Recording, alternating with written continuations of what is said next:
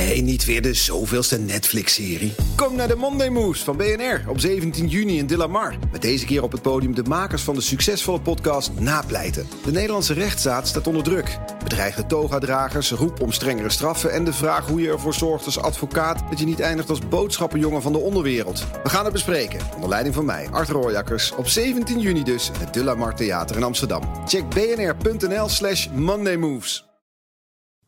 De column van Ben van den Burg. Uit principe vermijd ik papier. Ik weet, dat is een kansloze missie. Niets is namelijk zo prettig als mooie schema's, overzicht of modellen tekenen met een zwarte stift op een blanco vel papier. En dan kan Apple propageren dat tekenen op een iPad Pro hetzelfde aanvoelt. Ik ervaar dat heel anders. Om bomen te beschermen en om nog iets zinnigs toe te voegen aan de wereld, houd ik me echt aan mijn principe. En een andere, dat doe ik ook om de papierproductie te ontmoedigen, heb ik op mijn brievenbus een nee-nee-sticker geplakt. En ook vink ik altijd de e-mail-optie aan bij de correspondentie met instanties. Ik zou het toejuichen als PostNL nog maar één keer per week langs zou komen. Dat bespaart een hoop kosten voor PostNL en ik heb niet zoveel troep. De bezorgers kunnen van PostNL in één dag kunnen ze een data-expert worden. Dat las ik namelijk in een artikel in de NRC en ik dacht dat is een goede zaak, want aan data-experts hebben we een gebrek en dan heb je dus een oplossing voor alle partijen. Een ander voorbeeld is mijn buurvrouw. Als ze op vakantie is, leeg ik iedere dag haar brievenbus. Mijn buurvrouw heeft geen nee-nee-sticker. Wat ik dagelijks aan foldermateriaal uit haar bus haal, dat is niet best. Onzinnige aanbieding van Primera, Blokken, Albert Heijn, Karwei, Intertoys, Capino en nog talloze andere kansloze retailers. Na een week een stapel troep. Troep omdat je mensen afleidt van waar het daadwerkelijk om draait.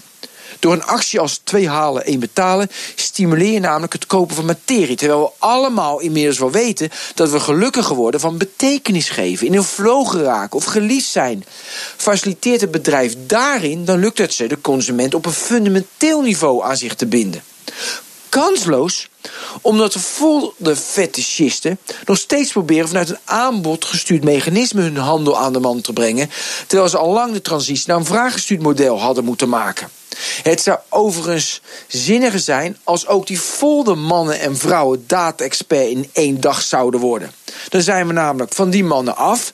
En omdat ze dat hebben nagelaten, brengen ze nog steeds folders uit. En dat is een beetje zielig.